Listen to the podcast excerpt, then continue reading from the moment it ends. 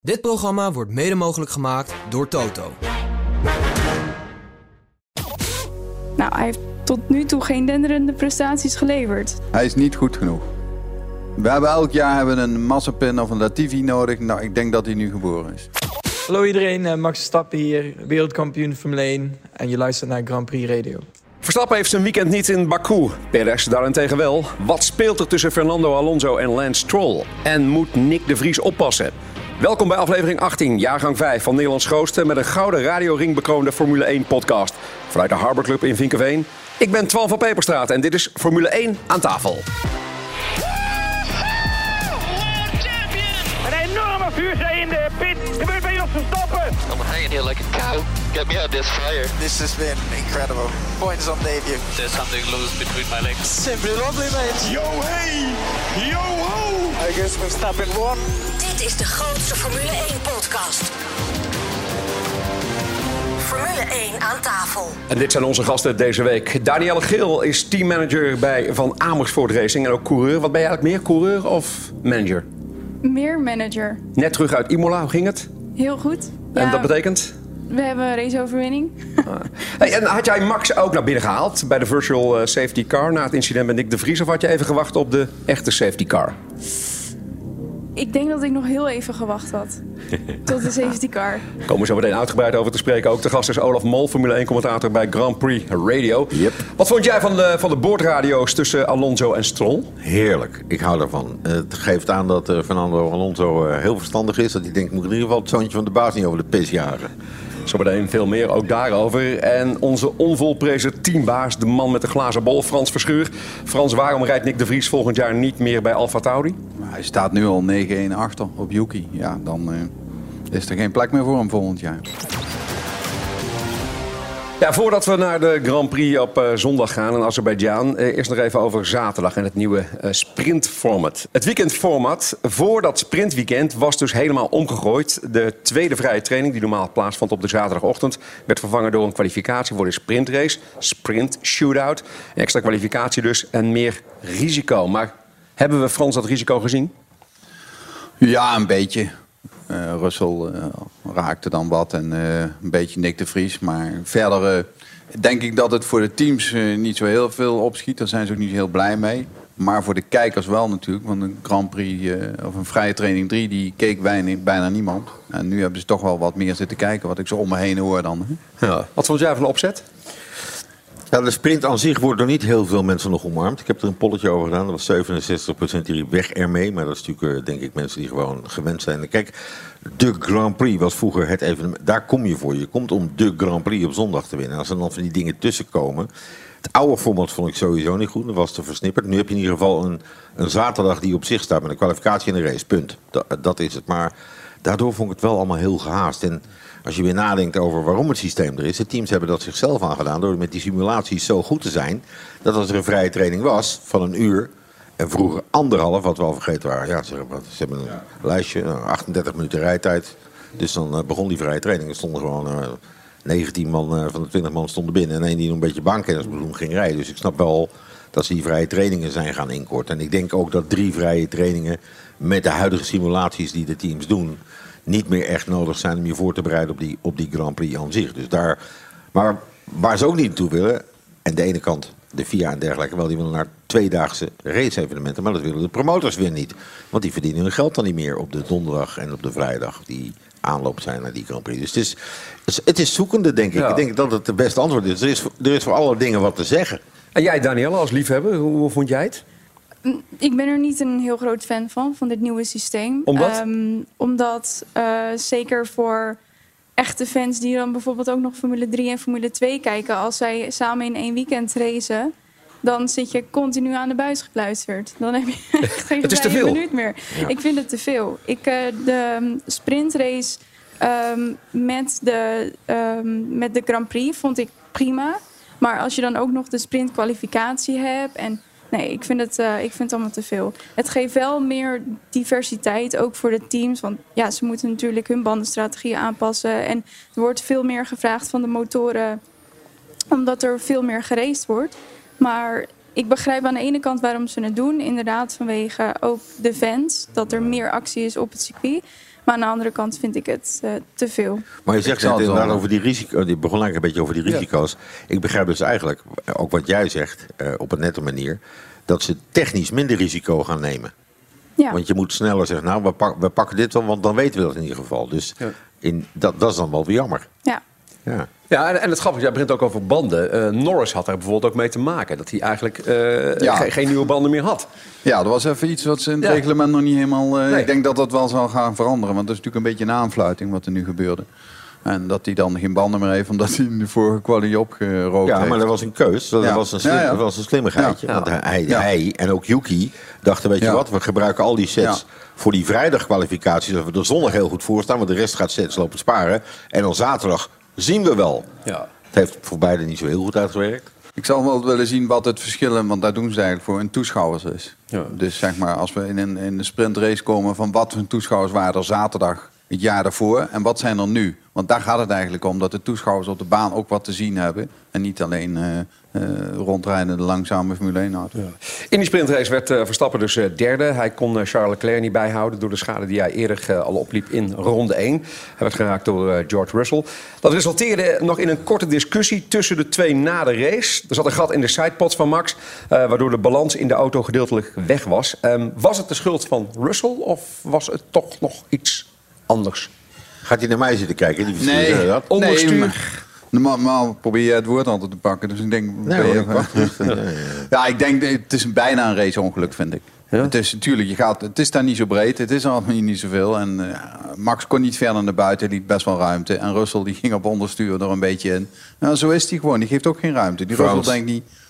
Als dit op Wacht Zandvoort gebeurd was, dan had Verstappen gewoon in het zand gestaan. Ja. Buit- buitenlangs gaat niet, omdat er Nee. hier toevallig een, een muur is. Ja, eh, pakt het uit zoals het uitpakt. Dus ja, Ja. Buitenom weet anders, je ja. dat het gewoon... Hij nam daardoor het risico. En op het moment glijdt die auto van Russell. Het Ja. was, het was geen beuk. Zag nee, nee, nee. Maar een soort geen raceongeluk. straf dus voor Russell? Nee, nee, vind ik niet. nee. In de derde ronde. eh, En ja, ik vind ook hoe ze dat na afloop oplossen. Vind ik prima. Gewoon even naar elkaar toe lopen. Ja. Roepen dat je een dickhead bent. En die andere Ja, ja. eh, laten we dat roepen. Dat, ja, zo. En daar moet het ook bij blijven. Dan gaat de Engelse pers weer allemaal zitten, enorm zitten opblazen. Dat Max een sore loser. En Damon Hill roept het nog een sore loser. Dit en een dag later moet hij hem interviewen. staat hij braaf te roepen wat ze mensen horen vertellen. En denk ja, Ja, met die gelul. Engelse pers, dan word je helemaal flauw van wat die allemaal roepen. Er kan er, zijn er maar twee die goed zijn, geloof ik. En de rest is allemaal niks. Had je wel, Danielle, nog even het idee... daar zien we de oude Max weer even? De felle Max? Ja, het is natuurlijk logisch dat hij na zo'n eh, incident dat hij hoge emoties heeft. Dat heb je altijd na een race. Dus op, het, op die manier op te lossen inderdaad is beter dan dat hij toen eh, een aantal jaar geleden met Ocon een duel gaf. ja. Ehm, Ja, klopt. dus- Zelf ook wel eens een keer gehad dat je na de race nog eens even een verhaal ging halen? Nou, ik zelf niet, maar wel dat iemand anders bij mij een verhaal kwam halen. Ook voor, ehm, ehm, hoe zeg je dat, non-verbaal? Ja, ja. En was dat achteraf terecht? Nee, dat was absoluut niet terecht, want ik zei we vechten het wel uit bij de race directie.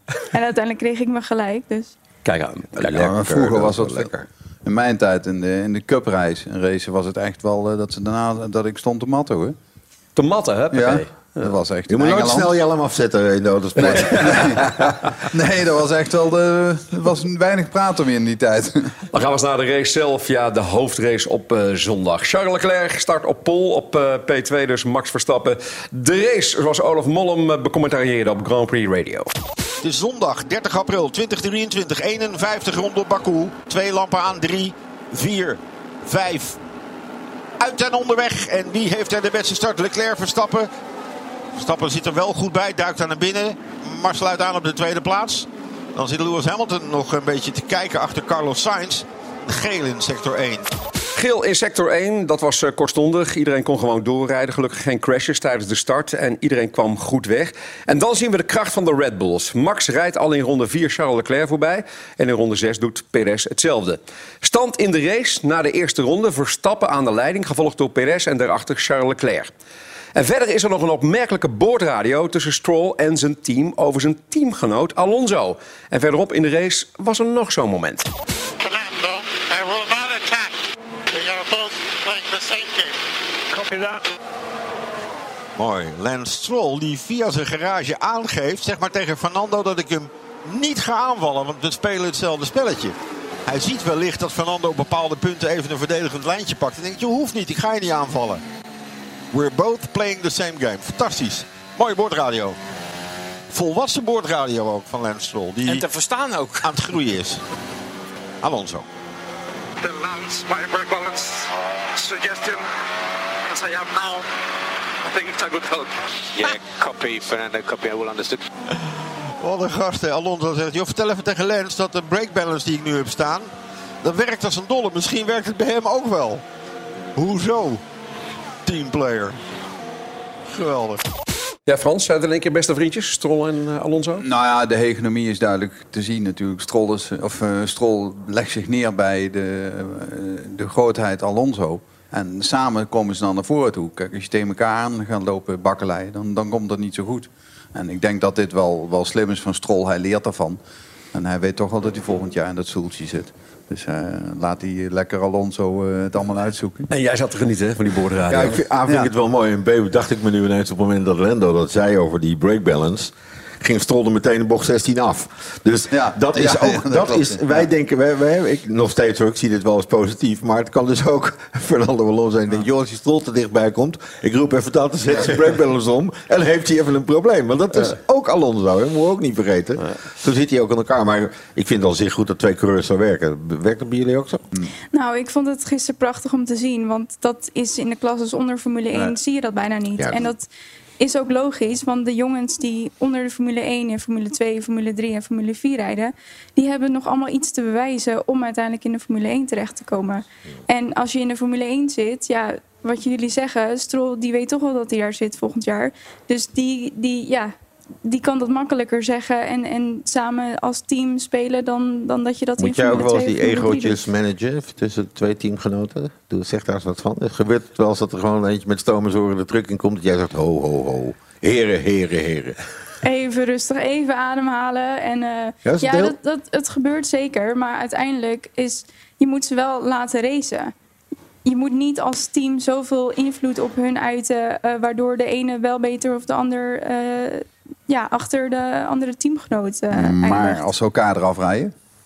Ja, dan eh, moeten ze even op kantoor komen. Ja. Ga je eens even het bonnetje bekijken. Degene, degene met het laagste bonnetje heeft, eh, heeft het beste gedaan. Ja. Het schadebonnetje. Ja, precies. Nee, dat, maar het, het gebeurt zeker. En ehm, ah, op het ene circuit heb je een slipstream harder nodig, bijvoorbeeld op Spa, dan, eh, dan op een ander circuit.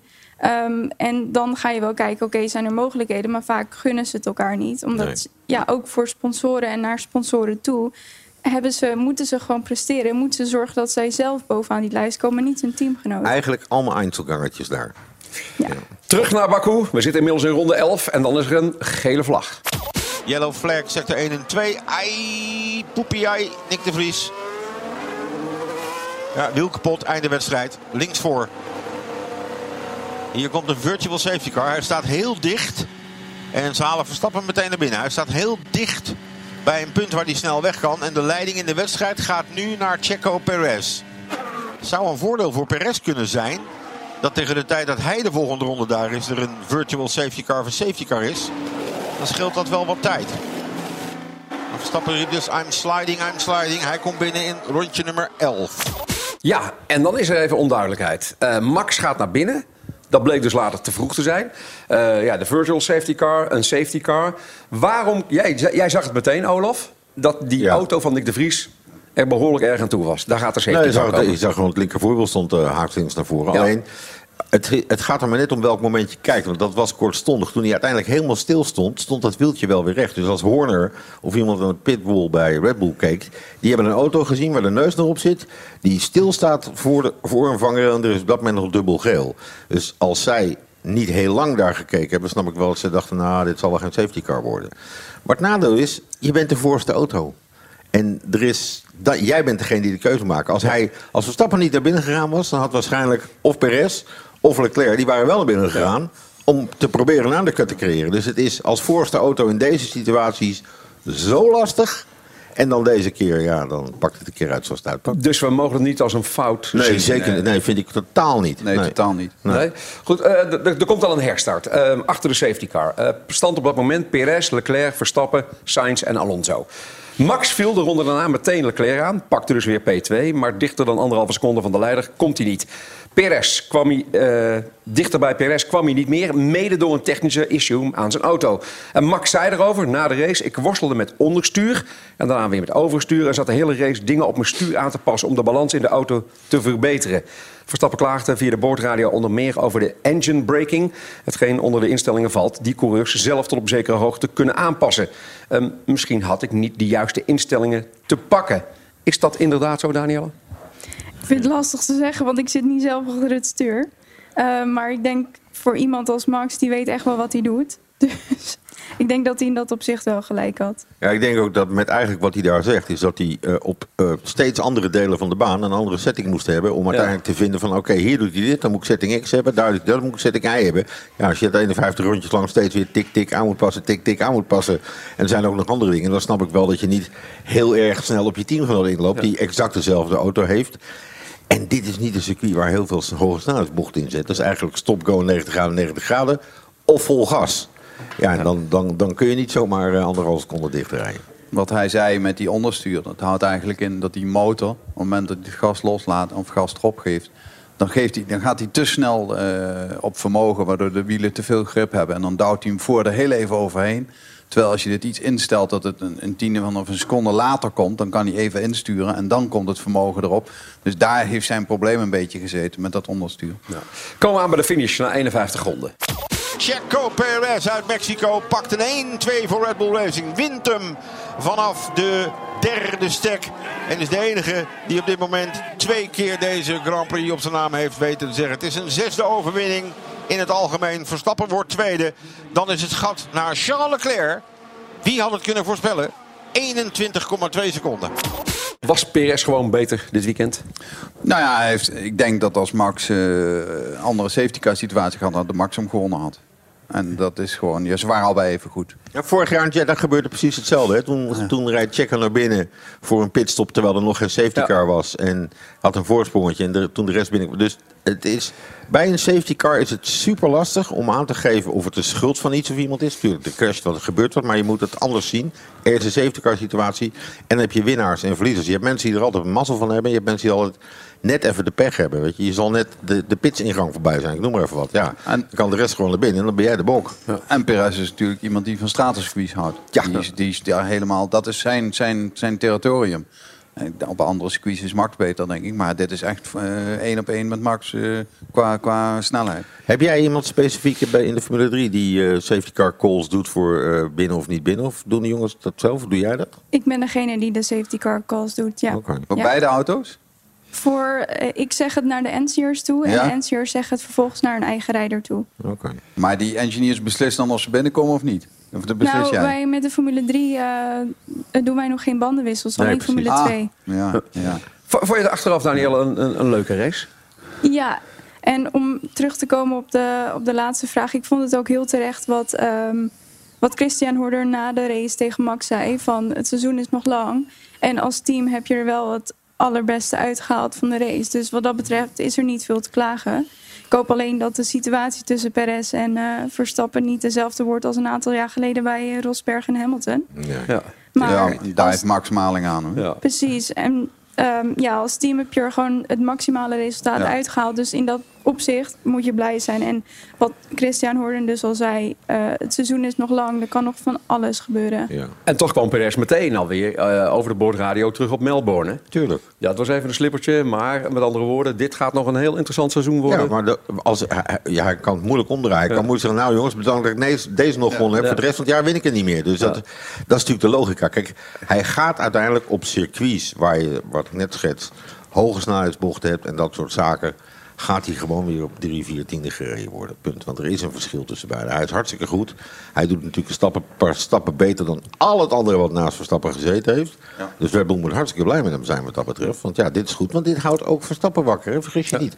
Nou is Max niet de coureur daarna die op zijn lauren gaat rusten. Die altijd zelf eh 110% uit zichzelf haalt. Hè, dat vind ik het mooie van Verstappen, Van de Poel en een gast als Haaland. Ja, ja, Voetballer ja, Ha- ja, ja. Haaland doet niks op 90%.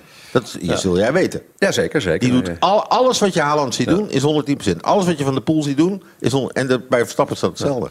Wordt het contract van Perez gewoon verlengd? Ja, Ja, ja dat is de, daar kan dus van zijn handtekening zetten en dan is dat verder klaar. Ik denk zelfs dat nu die eh, gewonnen heeft, dat ze hem niet meer van hem af kunnen. Ik denk dat dat ook een van de dingen was die in zijn contract staat. Eh, als je niet wint, dan kunnen we van je af. En als je wint, dan, als je blijft winnen, dan kun je gewoon eh, doorgaan. Na de break in Formule 1 tafel spelen we Raad het autogeluid. En je kan winnen een volle tank brandstof voor je auto, de Flitsmeister 2 en een officiële Formule 1 champagne. We hebben een vraag gekregen van Erik van Driel over Ocon en Hulkenberg. We praten over Nick de Vries en fotografen in de pitlane. Hoe gevaarlijk kan dat zijn? En we blikken vooruit op de Grand Prix van Miami. Graag tot zo. Ervaar de maximale radio-racebeleving met VPN Nederland. De manier om een buitenlandse radiozender te beluisteren op je smartphone, tablet of pc. Simpel, betrouwbaar en betaalbaar. Ontvang wat je wil horen met vpnnederland.nl. Max Korting. Profiteer en race nu naar dink.nl.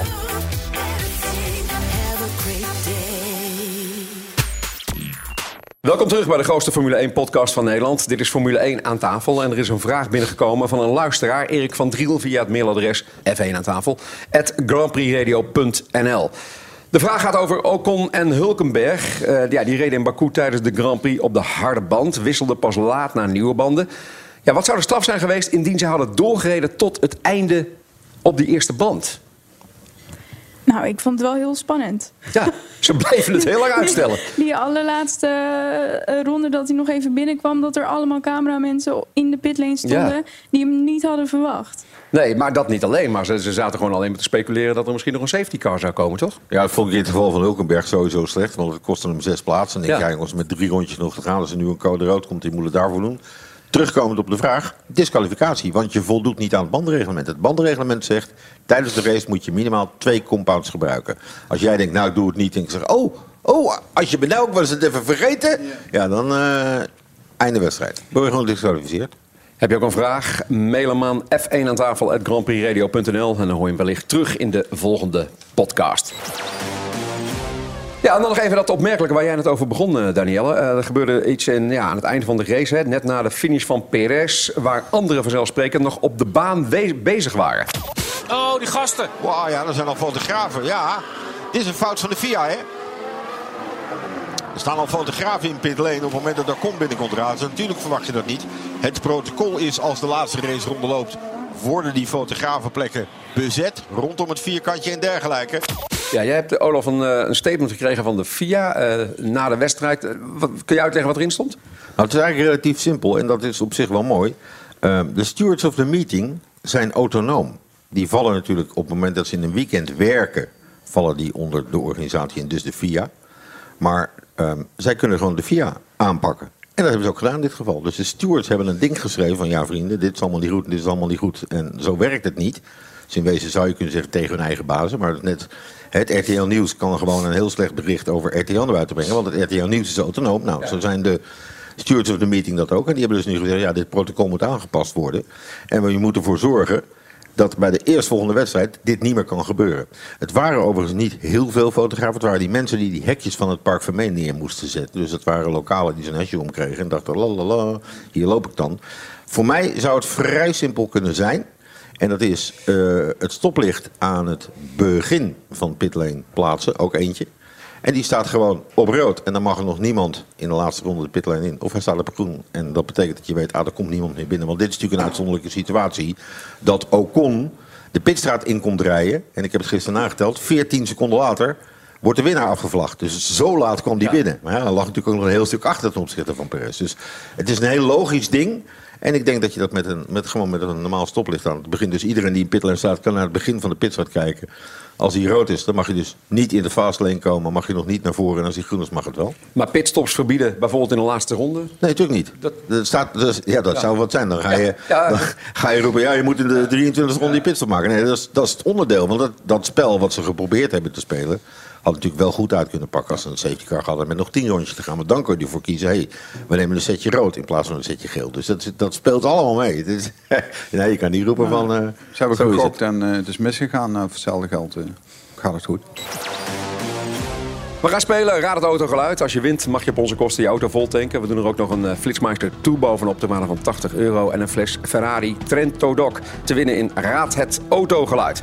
Mario de Pizzaman staat in Druten bij autobedrijf Paul van Bergen... en praat met verkoper Jan Knevel. Jan Knevel, goedendag. Hey Mario, een hele goede dag. Is dit een klassieker? Uh, nee, nog niet, nog niet, maar dat wordt het wel uiteraard. Het is wel een beetje die vorm. Ja, ja, ja, tijdloze auto. Ik las een beetje de benaming van deze auto. Ja. Uh, die is best lang. Ja, ik hou van lange teksten. Ik heb veel te vertellen. Is de prijs ook lang? Uh, de prijs is heel kort. Kleine prijsjes hier. Veel te weinig en nooit chagrijnig. Mag ik horen? Ik slinger hem aan voor je.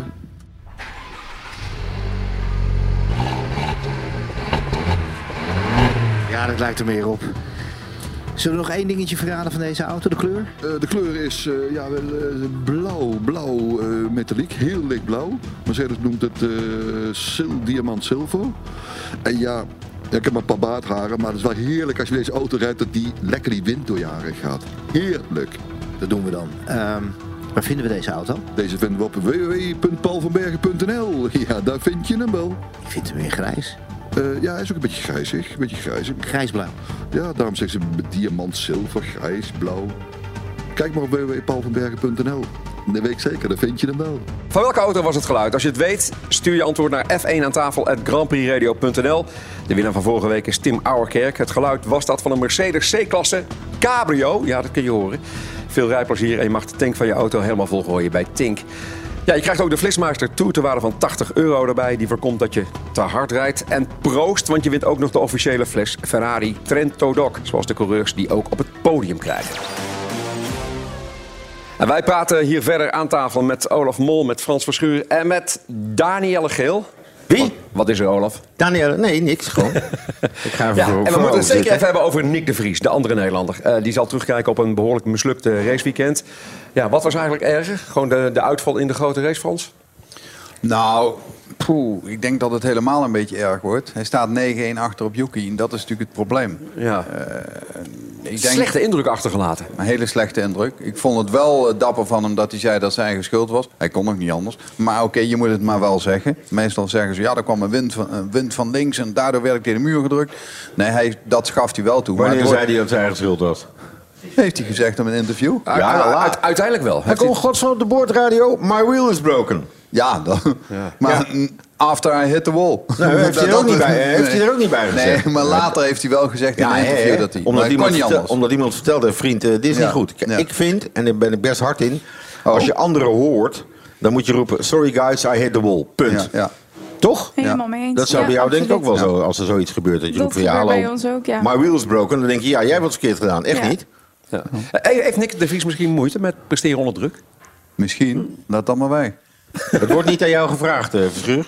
Nee, maar ik kan, even, even naar Daniel. Kan Twan toch helpen, of niet? Nee, ja, je hoort heel veel mensen die zeggen... geef hem nog een kans. Hij is, het is het eerste jaar in de Formule 1. No. Maar aan de andere kant... hij heeft ook al heel veel ervaring opgedaan in andere raceklasses. Dus in dat opzicht heeft hij daar ook... in de Formule 2 heeft hij het kampioenschap gewonnen. In de Formule 1 heeft hij het kampioenschap gewonnen. Je kan niet zeggen dat hij daar niet onder druk heeft gereden. Maar is je dan wel goed genoeg voor de Formule 1? Nou, hij heeft tot nu toe geen denderende prestaties geleverd. Hij is niet goed genoeg. We hebben elk jaar hebben een Massapin of een Latifi nodig. Nou, ik denk dat hij nu geboren is. Is hij beter, dan, is hij beter dan Mick Schumacher was? Vind jij dat? Uh, ik denk het niet. Waarom niet? Omdat hij, uh, Mick Schumacher, uh, heeft één nadeel dat hij on, zijn naam heeft. Daar heeft hij een beetje onder druk gestaan. Ik denk dat Schumacher op het einde er meer gekomen is. Dus aan het einde van zijn, van zijn kortstondige driejarige periode heeft hij wat meer gepresteerd. Ik denk dat, dat hij niet zo goed is als Nick. Ja, maar Mick Schumacher heeft zoveel plat gereden. En uh, bij, bij Nick valt het nog wel mee. Ja, een beetje voorvleugeltje en een wieltje. Dat vind ik allemaal Jawel, maar uh, je hebt ook wel eens een keer uh, Mick zien staan in de top 10. Gekhuis. Ja, daar stond hij. En zie ik Nick nog niet staan. Ja, maar heeft hij dan vorig jaar misschien gewoon verrast? Wie? Nee, luister. Ik, ik denk wat er gebeurd Nick is. de Vries? Ja, vorig jaar? Ik, ik speel hem even naar jou toe. Ja? We hebben het over een jong voetballertje die uiteindelijk in de uh, KNVB-bekerfinale... Ja? een heel jong ventje... 17 jaar een penalty neemt. Die een penalty moet nemen. Ja. En, die, en dat lukt. Ja. En waarom? Die jongen heeft niks te verliezen, die is vrij in zijn hoofd. Nick de Vries moest vorig jaar instappen in die auto, dat was een kans. Niks te verliezen, vrij in je hoofd. Nu is hij bij het team gekomen... En nu moet hij presteren, moet hij eerst die Yuki Tsunoda eraf rijden. Dus de druk is heel anders. Ik denk dat, dat dat ook appelleert bij het voetbal. Die jongen, de, de- ik weet niet hoe heet Wel, het? maar daarnaast is hij- Gods, ja. ja. Gods. Ja. Maar hij Gods is, het hij niet. is De Belg, ja. Scoort gewoon. Nick is natuurlijk niet jong meer, hè? Zoals Daniel ook zegt. Hij is Nee, maar Formule 1 moet je 28. wel leren. Formule 1 ja, moet je- moet je wel leren, maar hij loopt al een tijdje mee. Hij, loopt ook, hij heeft veel testen gedaan, verschillende auto's. Dus ik vind dat stadium van heel jong, of net leren, dat is hij wel voorbij. Ik vind dat hij meer moet presteren en dat lukt niet. Dus ik zou aan hen adviseren, geniet ervan. Dit is je laatste jaar. Daniel, test is toch wel heel anders dan racen. Je ziet toch jongens die als ze een auto krijgen en er, wordt, er staat gespanning op dat ze het best kunnen. En als die wedstrijd is, is het toch ineens anders. Ja, tijdens testen hebben ze veel meer vrijheid ook, inderdaad. In hun dan- hoofd. Dan, in, in hun hoofd dan tijdens een raceweekend. Maar bijvoorbeeld een Mick Schumacher heeft voordat hij de Formule 1 in ging...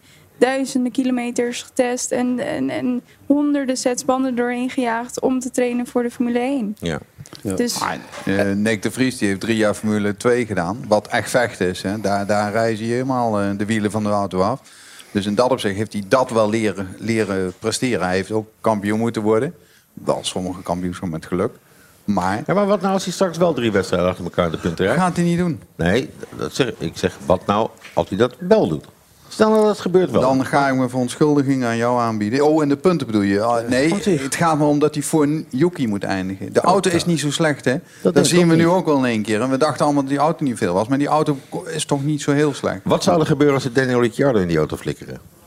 Dat hij in de buurt van Yuki zit. Ja, of voor Yuki. Dan hebben ze, hebben ze bewezen dat ze allebei niet goed genoeg zijn. Ja. Dat zou wat zijn. Ja. Ja. Goed, dan nog even naar de glazen bol van, eh, van jou, Frans. Eh, want jij voorspelde het vorig jaar al, het vertrek van de teambaas van Alfa Tauri. Ja, dat is de derde al, hè? Die, op, Ja. die sinds ik, ermee, sinds ik ermee begonnen ben. En ja, Laurent, dat kon eh, ook niet. Ja, Laurent Mekkies. Danielle, eh, pas op, hè, Danielle, hij zit hier. Laat hem niks over je zeggen. Niemand minder dan de, de racing director van Ferrari, Laurent Mekkies. Die wordt nu de nieuwe teambaas samen met Peter Bayer van de FIA. Die de nieuwe CEO wordt. Ehm, en vooral de aankondiging van Mekkies bij Alfa Tauri viel niet helemaal lekker bij Ferrari. Omdat Mekkies nog een jaar contract had bij het team. En er nog niet over een vertrekregeling eh, regeling was gesproken. Is een goede zet van Alfa?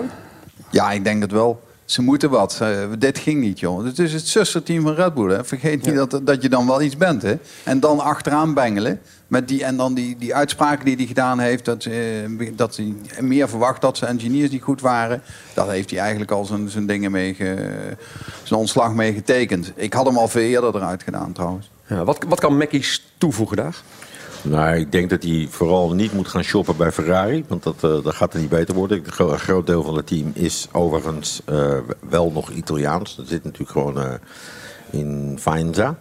Ehm, en ik denk dat hij gewoon moet proberen er een iets internationaler team van te maken. Het zou ook in de lijn van Red Bull zijn als zij een opleidingstraject gaan creëren voor engineers die uiteindelijk door kunnen groeien naar Red Bull. Want waar komen de engineers tegenwoordig vandaan? Waar komen jouw monteurs vandaan in Formule 3? eh, de meeste engineers die komen of van een aerodynamic school, maar dat zijn vaak stagiaires. En daarin kijken wij gewoon van wie is er goed en wie heeft de potentie om door te groeien.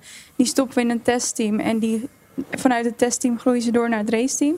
Maar we hebben ook eh engineers die, hebben, die komen van andere teams. Maar wat ik- hebben ze bij jullie harder nodig? Know-how of eh, enorme wil? Want wie, wie heb je nou? Wil je degene hebben met de beste papieren of wil je degene hebben die gewoon altijd het overzicht houdt? Het tweede. En, hè? eh, en de ervaring en eh, ja, weten waar je het over hebt. Maar ook de, de passie. Want je hebt ook engineers die doen het bijvoorbeeld alleen voor het geld verdienen. En die gaan er niet zo diep op in als, als andere engineers die echt succesvol gaan worden. Vroeger, vroeger eh, hadden wij veel Engelse engineers. Tegenwoordig switcht het bij mij heel veel naar Spaanse. Is dat bij jullie ook? Ja, Spaans heel veel. Heel Spaanse, echt, maar, ook maar monteurs ook. hè. Die zijn Gedreven. zo fanatiek, Dat die is het. Spanjaarden. En de Engelsen die zijn een beetje verzadigd, vind ik. Ook qua fanatiekheid. Wat heel veel Formule 1-monteurs eh, opbouwden in hun aanloop, in hun carrière binnen Formule 1. Dus dat ze zelf een Formule Renault-team in Engeland hadden en dat soort dingen. Van het geld wat ze in Ja. de Formule 1 verdienden. En dan uiteindelijk als ze het niet meer leuk vonden of ze veel, ze hadden ook te veel gereisd. Ja. Nou, dan hadden ze, nu- hadden ze hun eigen teampje al opgebouwd. Maar toevallig in mijn team op dit moment zijn al mijn engineers Nederlands.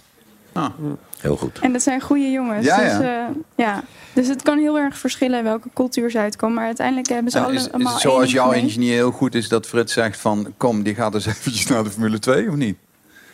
Eh, ja, Ja, dat, dat zou kunnen. Daar is toch, je die bent opties- helaas toch helaas een soort opleidingstraject voor, voor mensen als er een speciale tussen zit dat ze hem in de Formule 2 zetten of Formule 3. Ja, uiteindelijk wil je natuurlijk liever in je Ja. eigen kweekvijver kijken wie er goed is binnen het team. En die zet je door naar, naar een Formule 2 team. eh. Maar dat betekent dat Daniel ook naar de Formule 2 kan doorgaan. Dat, dat sowieso.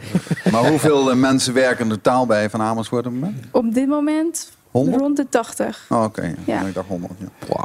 En we hadden het al even over Ferrari. Met twee keer pole position dit weekend voor Charles Leclerc. En een podiumplek lijkt Ferrari iets meer kleur op de wangen terug te krijgen. Leclerc pakt uiteindelijk de derde plaats in de race. Tweede plaats in de sprintrace. Ehm, waarom redt het team het maar niet om uiteindelijk die eerste plek vast te houden? Ja, Nou, zeggen? nou, nou, ik vind, vraag. dat, ik vind dat Vasseur al heel ver is hoor. Hij komt van heel ver terug.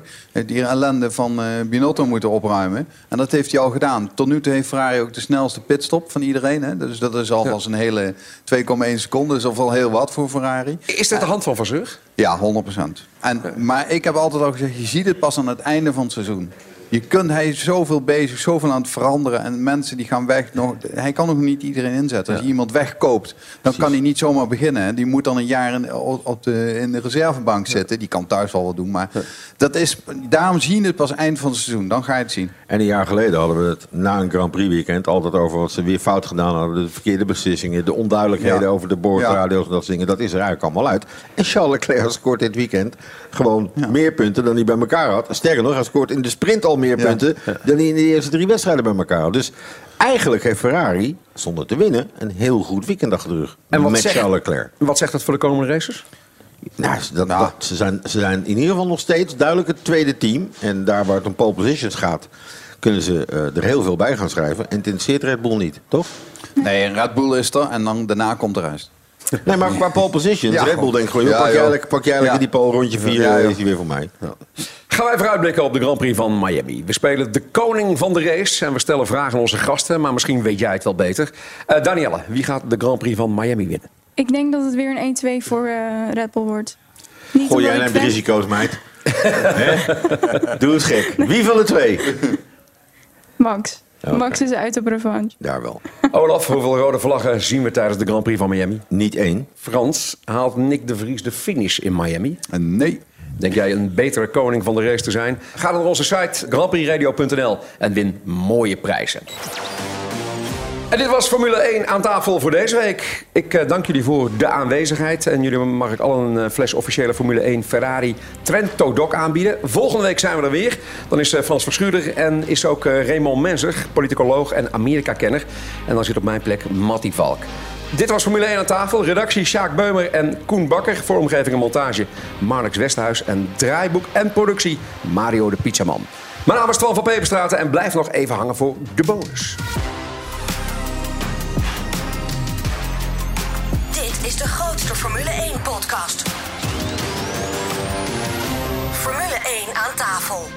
Ja, we zitten in de Harbor Club en Tim heeft hier van alles voorgezet. Wat heb je hier allemaal neergezet, Tim? Nou, we eh, beginnen hier bij de sushi. Dan hebben wij de ebi maki roll. Dat is met eh, gefrituurde garnaal, wat zalm bovenop, teriyaki saus. De Peking duck maki roll met gefrituurde Peking eend in een eh, mooi groen jasje. Dan hebben wij daar de, de Peking eend hem zelf. Met wat pannenkoeken erbij. En een klein bakje met komkommer, bosui en hoisinsaus. Lekker om in die pannenkoek alles te doen. En dan als een soort streetfood eh, met je handen te eten. Hebben wij nog een ribbeitje, medium gegrild. Met een eh, gepofte knoflook, wat romanesco en wat chippies erbij. De bitterballen natuurlijk. De zalmtataar met wat aangemaakt met wat citroenolie en wat peper. Afgemaakt met wat ponzu en eh, ja, wat lekkers. En dan hebben we nog de bimi en tempura beslag met wat pittige saus en sesam. Ziet er heerlijk uit. Dankjewel, eh, Tim. Eh Daniel, toch geen vegetariër? Nee, Oh, nee gelukkig, the hell niet is Bimi? Ja, dat gaat, gaat proeven, Olaf. Maar, Nee, no way, man. Hou op. Hey, Olaf, nog even tussen ons. Eh, eh, Obama is in Nederland. Eh, geeft daar een grote lezing. Zou Frans daar nog iets van kunnen leren, denk jij? Ik denk het wel, want volgens mij krijgt Obama vier ton per lezing. Dus eh, daar kan Frans zeker wat van leren. Maar inhoudelijk valt wel mee. Heren, dame, dankjewel. Let op. Alle gebruik van hetgeen in deze podcast F1 aan tafel wordt opgemerkt is ongeoorloofd. Zonder expliciete schriftelijke toestemming te zaken verkregen van Grand Prix Radio. Met inachtneming van een duidelijke, deugdelijke bronvermelding met link.